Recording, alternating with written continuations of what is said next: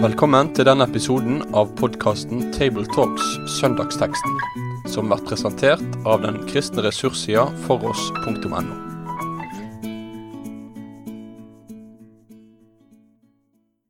Hjertelig velkommen til en eh, ny episode av uh, Tabletalks, som er for oss sin podkast over der vi går gjennom søndagens uh, preiketekster. Og nå skal vi snakke sammen om uh, det som er teksten for femte søndag i treenighetstida, 14.07.2019. Og vi skal inn i en ganske saftig tekst, vil jeg si. To ganske saftige tekster. Matteus 18, 12 18. der det er to, eh, to tekster Eller to eh, En tekst som inneholder to ganske klare eh, seksjoner, som hver for seg nesten kunne stått alene som en preketekst, og så har vi likevel fått de, de sammen. I kirkeåret så er vi for øyeblikket inne i treenighetstida. Det har vi vært en stund, og vi skal fortsette med å være i treenighetstida en stund. Det er den andre halvdelen av kirkeåret. Den halvdelen av kirkeåret som er uten alle festene. Um, og, og treenighetstida treningstida er på mange måter en sånn utfolding av pinsen og, og, det som skjedde ved pinse, nemlig at vi lever et liv i trua med disipler, vi skal følge Jesus. Uh, og så er vi i dag uh, til denne søndagen gitt tekster som er sterkt preget av advarsel. det er mulig å gå seg vill, og det er nødvendig med en advarsel, og kanskje til og med et så vanskelig ord som kirketukt er relevant i møte med en tekst som det vi skal lese sammen i dag. Eh, mitt navn er Knut Kåre Kirkholm, eh, og sammen med meg så har jeg Toril Slottsveen Asp. Og Sverre Bø. Og det er vi som nå skal bruke noen minutter på denne teksten, og Toril skal få lov å lese teksten fra Matteus 18, 12-18 først. Hva mener dere? Dersom en mann har hundre sauer, og en av dem går seg vill, lar han ikke da de 99 være igjen i fjellet og går og leter etter den som har kommet på avveier? Og skulle han finne den, sannelig, jeg sier dere, da gleder han seg mer over denne ene enn over de 99 som ikke har gått seg vill. Slik vil heller ikke deres far i himmelen at en eneste av disse små skal gå tapt.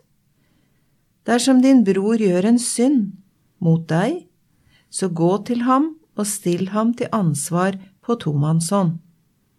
Hvis han hører på deg, har du vunnet din bror. Men hvis han ikke hører, skal du ta med deg en eller to andre, for etter to eller tre vitners utsagn skal enhver sak være avgjort. Hvis han ikke hører på dem heller, skal du si det til menigheten. Men hvis han ikke engang vil høre på menigheten, skal han være som en hedning eller toller for deg.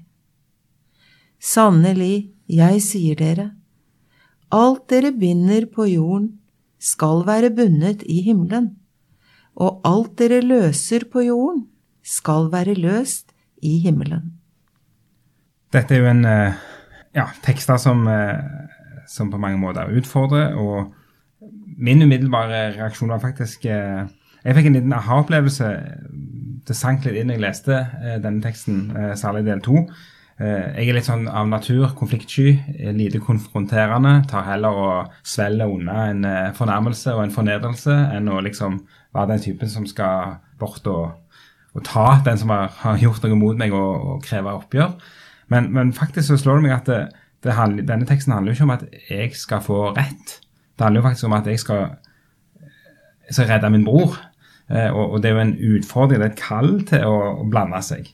Eh, og da ble denne teksten plutselig ganske mye mer eh, Det blir ikke lenger noe du bare kan si ja, det tar jeg bare og vrir meg unna, og, og jeg tåler en fornærmelse. og jeg vender andre kinnet til. Men, men, her handler det ikke om det. Det handler jo faktisk om at min bror kan komme vekk fra Jesus pga det han har gjort mot meg, eh, og at jeg hadde ansvar for å vinne. Eh, og da ble den teksten ganske mye mer enda mer plagsom sånn på meg personlig, eh, syns jeg, enn en jeg først syns han var. For jeg syns han er plagsom nok, sånn som jeg tenkte før om han. Men han ble enda mer eh, eh rett inn i livet, eh, syns jeg, da, på en, på en vanskelig måte. Eh, så det var min sånn første reaksjon i møte med denne teksten. Jeg vet ikke hvordan det er med dere, om dere har andre eller lignende eller type reaksjoner.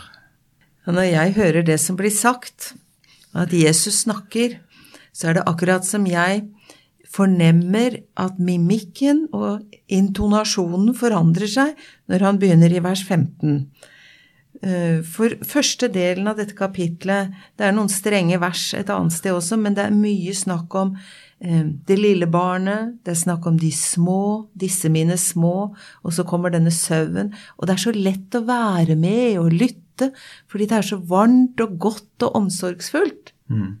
Og så plutselig Dersom din bror gjør en synd, gå og snakk, og så hører jeg liksom en annen stemme.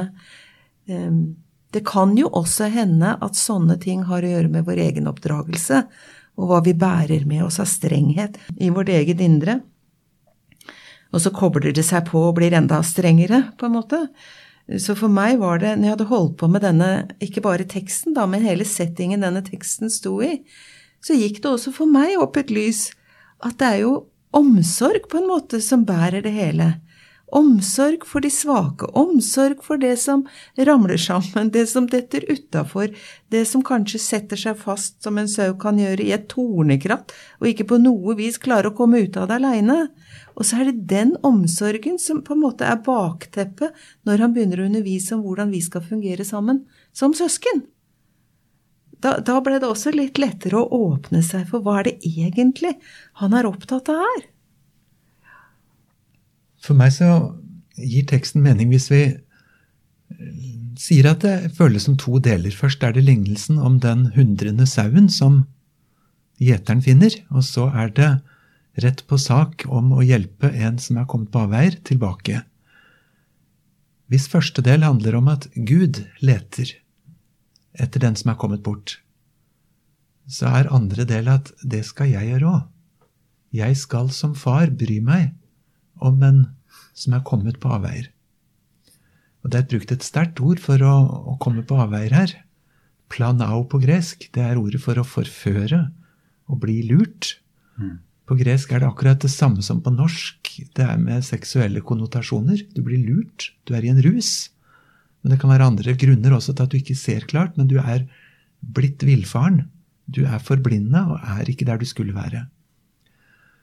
Som far til fem, så minnes jeg da de var små altså Du er bare pent nødt til å, å gjøre litt innblanding. Når en toåring syns det at den brødkniven var veldig lekker og fin og blinker flott, så er det best å ta den fra toåringen, for han håndterer den ikke fornuftig.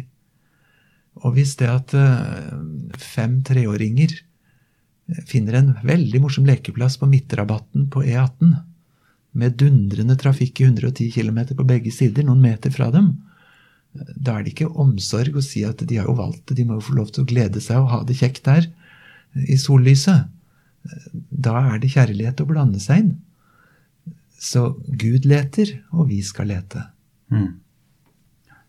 Og så syns jeg denne teksten eh, Det har ofte slått meg i, i når jeg har lest eh, særlig hos eh, Paulus, hans formaninger til menighetene, eh, hvor utrolig ofte at en formaning ledsages ofte i forkant av et ord om hvem Gud er, og hva Gud gjør. Og så derfor så liksom så kommer det en formaning om, om noe som skal prege den kristnes liv. Og jeg tenker gjerne å fornemme noe av det samme her. at uh, Han begynner med Gud og begynner å si noe om, om, hvem Gud er, og hvordan Gud er.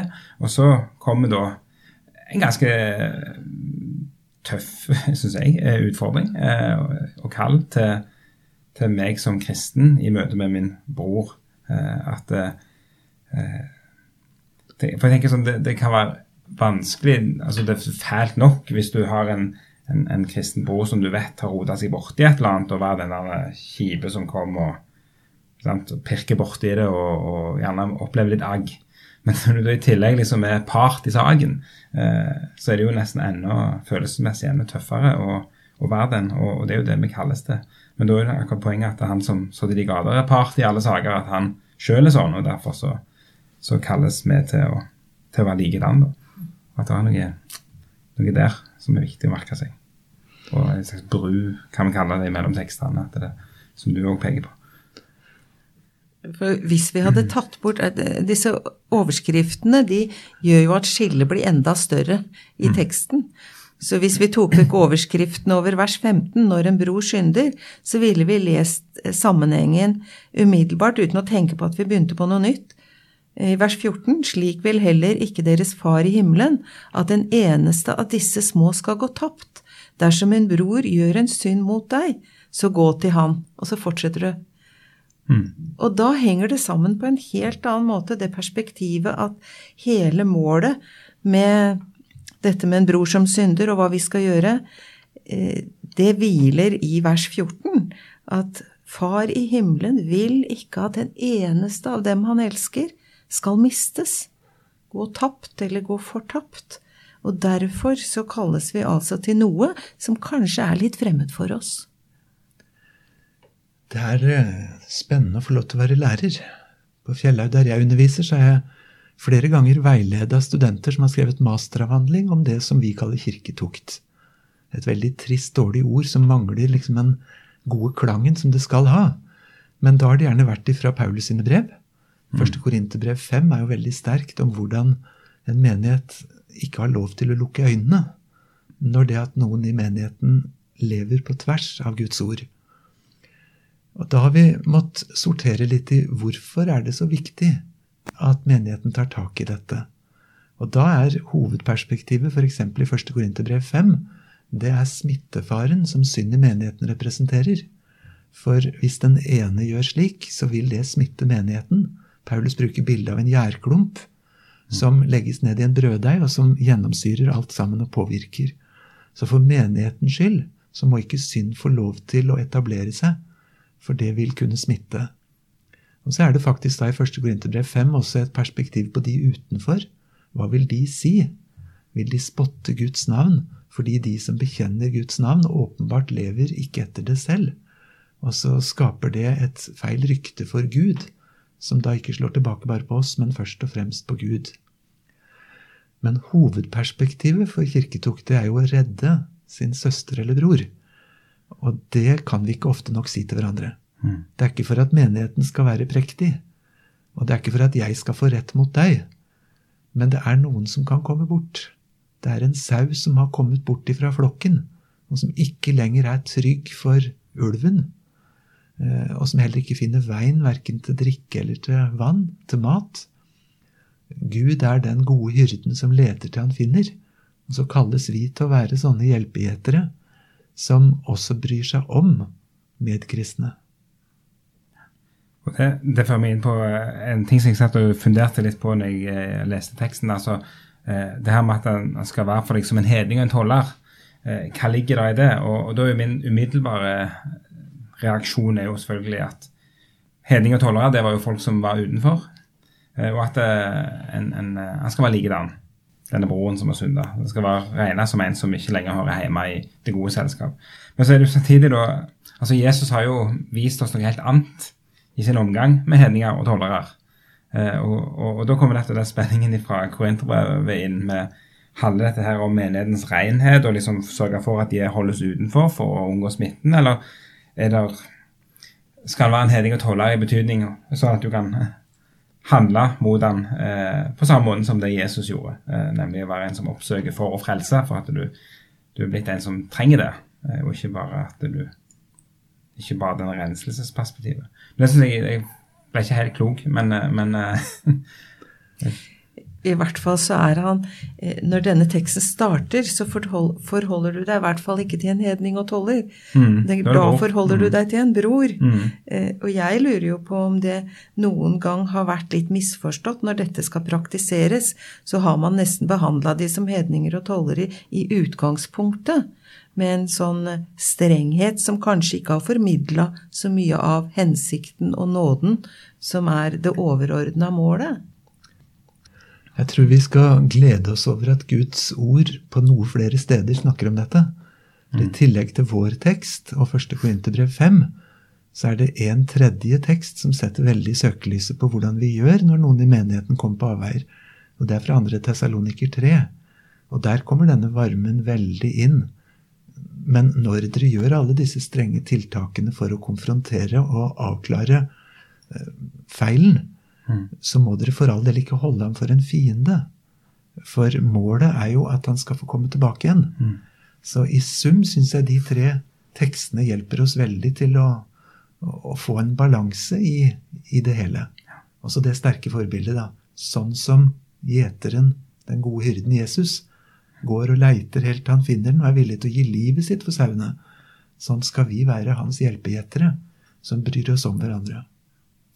Ja, for jeg tror det er viktig poeng at det, det er ikke fariserende eller gjerne den folk, folk flest på Jesu tid vi skal lære av når det kommer til hvordan vi skal forholde oss til vår bror som en hedning og toller. Altså det, det, er jo nettopp Jesus og hans kjærlighet eh, som skal være, drivkraften. At det er viktig at vi har med oss da. Mm.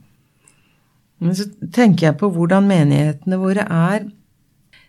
Jeg har hørt litt om, om en menighet fra litt eh, eldre tid hvor de antagelig levde mye mer tett på hverandre, med og ikke forholdt seg så mye bare til fasaden, men de gikk litt innafor hos hverandre.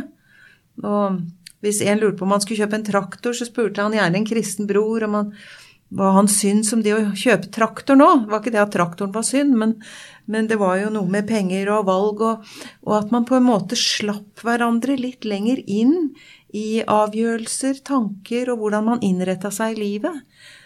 Så jeg lurer på om den individualismen som hele samfunnet vårt er prega av, hvor kanskje det jeg mener er viktigere enn hva fellesskapet mener, der slipper vi ikke hverandre innpå som et sånn dypt fellesskap eh, hvor jeg har tillit til at jeg kan komme til en av dere f.eks. når jeg står i noe jeg syns er veldig krevende og problematisk og ikke ser klart. Hvis dette er ganske personlig, da er det tryggere å holde andre på avstand. Så individualismen er én ting jeg lurer på, at det har noe med hvordan, hvor nære fellesskap vi har, hvor vi kan tørre å begynne å praktisere det som står her. Og det andre er kanskje at vi har uklar synsoppfatning. Altså én menighet har et sett med synder, en annen har et annet sett med synder. Så hvis jeg kommer og begynner å snakke litt sånn utfordrende med en bror eller en søster, eh, og hun ikke liker det jeg sier, så kan jo hun bare gå til en annen menighet. For det er ikke det jeg peker på synd i den menigheten. Altså dette syns jeg er ganske komplisert. Eh, fordi at det er, og da, det gjør kanskje at vi mister litt frimodigheten på det vi ser også overlate det til menighetsledere eller sånn. Eh, og hvis det her, som det ser ut her, da, at det var synd mot meg, men det kan jo kanskje like gjerne være bare synd som ikke er knytta til meg, siden mot deg er utelatt i en del tekster, eh, så vet jeg ikke hvordan jeg skulle få frimodighet til å gå mm. til en annen og ta det opp. Jeg tror du setter ord på en stor smerte og en stor frustrasjon. Eh, en kan drømme seg tilbake til den tiden det var liksom bare én kristen menighet i en by. Men det spørs om vi har lov å drømme så lenge, for selv i Roma og Korint så var det vel en god del husmenigheter. Mm. Og det var ikke så ofte de kunne møtes alle husmenighetene til et felles sted. Så det kan godt ha vært i Korint f.eks. noen som holdt seg til Kefas, og noen til Apollos, og noen til Paulus, og noen til Kristus, som hadde litt forskjellig sett med standarder til hvordan det er å leve sammen med sin uh, fars hustru, som situasjonen var da i første kor fem. Mm. Så de har nok kjent på smertene og problemene før også. Uh, men det handler vel om å ha en norm som er høyere enn min menighet. Normen er Guds ord. Du står ikke ansvarlig overfor menighetsledelsen, men overfor Gud. Uh, og det er ikke lett å kommunisere på noe vis. Jeg føler også litt smerten når vi kommer inn på disse spørsmåla, ved at vi er i en brytningstid mellom foreninger, bedehus, liv, også mer direkte menigheter. Mm. Og av og til så pulveriserer vi ansvaret fordi vi sier dette skal lederen ta seg av. Men så er vi ikke organisert med en prest eller med et eldsteråd eller noe sånt. Mm. Så blir det egentlig ingen. Og hvem er nærmest? Det er i hvert fall ikke jeg. Ehm, så i noen grad så syns jeg også det utfordrer oss litt. Hvordan mm. gjør vi vårt menighetsarbeid? blir det en veldig stor blindsone, der folk får lov å synde i fred mm. og gå fortapt i fred uten å bli møtt med Guds ord. Eh, Og, feiger vi ut. og, og den teksten her legger jo i hvert fall opp til at det er en annen form for struktur i dette fellesskapet som gjør at det faktisk er mulig å se for seg ulike instanser som en går til, og at det er en, en la oss si en økende grad av offentlighet òg eh, rundt dette her. da, Og det er jo en ting som eh, akkurat Vi har nok bare, vi lar nok dette bare forsvinne nærmest inn i et eller annet ubestemt lønnkammer der ingen er til slutt. Så det er jo det er en kjempe, kjempeviktig problemstilling. Tror rett og slett det er bra hvis vi som kristne snakker sammen. Mm. Og kanskje vi også kan si at mens vi venter på de strukturene vi ikke syns er perfekte, så har jeg lyst til å knytte meg til noen av dere på en sånn måte at hvis jeg kommer på avstand, så må dere være snille og si fra. Mm. Eh, Sånn at jeg åpner meg for den veiledning Gud gir gjennom medkristne som ser at noe holder på å bli galt. Det er jo noe med å åpne seg selv for det. Så kanskje det kan også smitte i god forstand, at vi begynner å se sånn på kristenlivet. Mm. Mm. Jeg glemmer aldri eh, starten på en bok jeg leste i ungdomstida, 'Golgata veien til vekkelse'. Fordi den vekkelsen som kom, den starta med at eh, menneskene på bedehuset begynte å bekjenne sin synd og var åpne overfor hverandre og fikk be hverandre om tilgivelse. Og så ble på en måte fellesskapet rensa, og dermed så starta det rett og slett en vekkelse. Mm. Og jeg tenker Det er jo perspektivet du var inne på det i stad, Sverre. Dette perspektivet med hvorfor er det viktig at vi skal følge en sånn retningslinje som vi får her. Det ligner vel litt på at hvis vi aksepterer at verken får lov å være der, og bare sier at de ikke gjør noe, og bandasjerer og pakker den inn, så vil den etter hvert få, kunne få veldig dramatiske følger. Og at menigheten og våre liv egentlig ikke kan ro romme Guds herlige tilstedeværelse, samtidig med at vi velger å leve imot Hans vilje, bevisst, og holder fast på det. Er, og da kommer jo disse versene om å binde og løse etterpå. Det er jo ikke før dette kan bli løst opp i, at Guds nåde og godhet kan begynne å flyte igjen. Jeg tenkte på noen ord som hang sammen med å binde. Da så jeg for meg holde fast og lukke. Og det blir liksom alt som stenger for livet. Mens løse er kobla til frigjøre og åpne.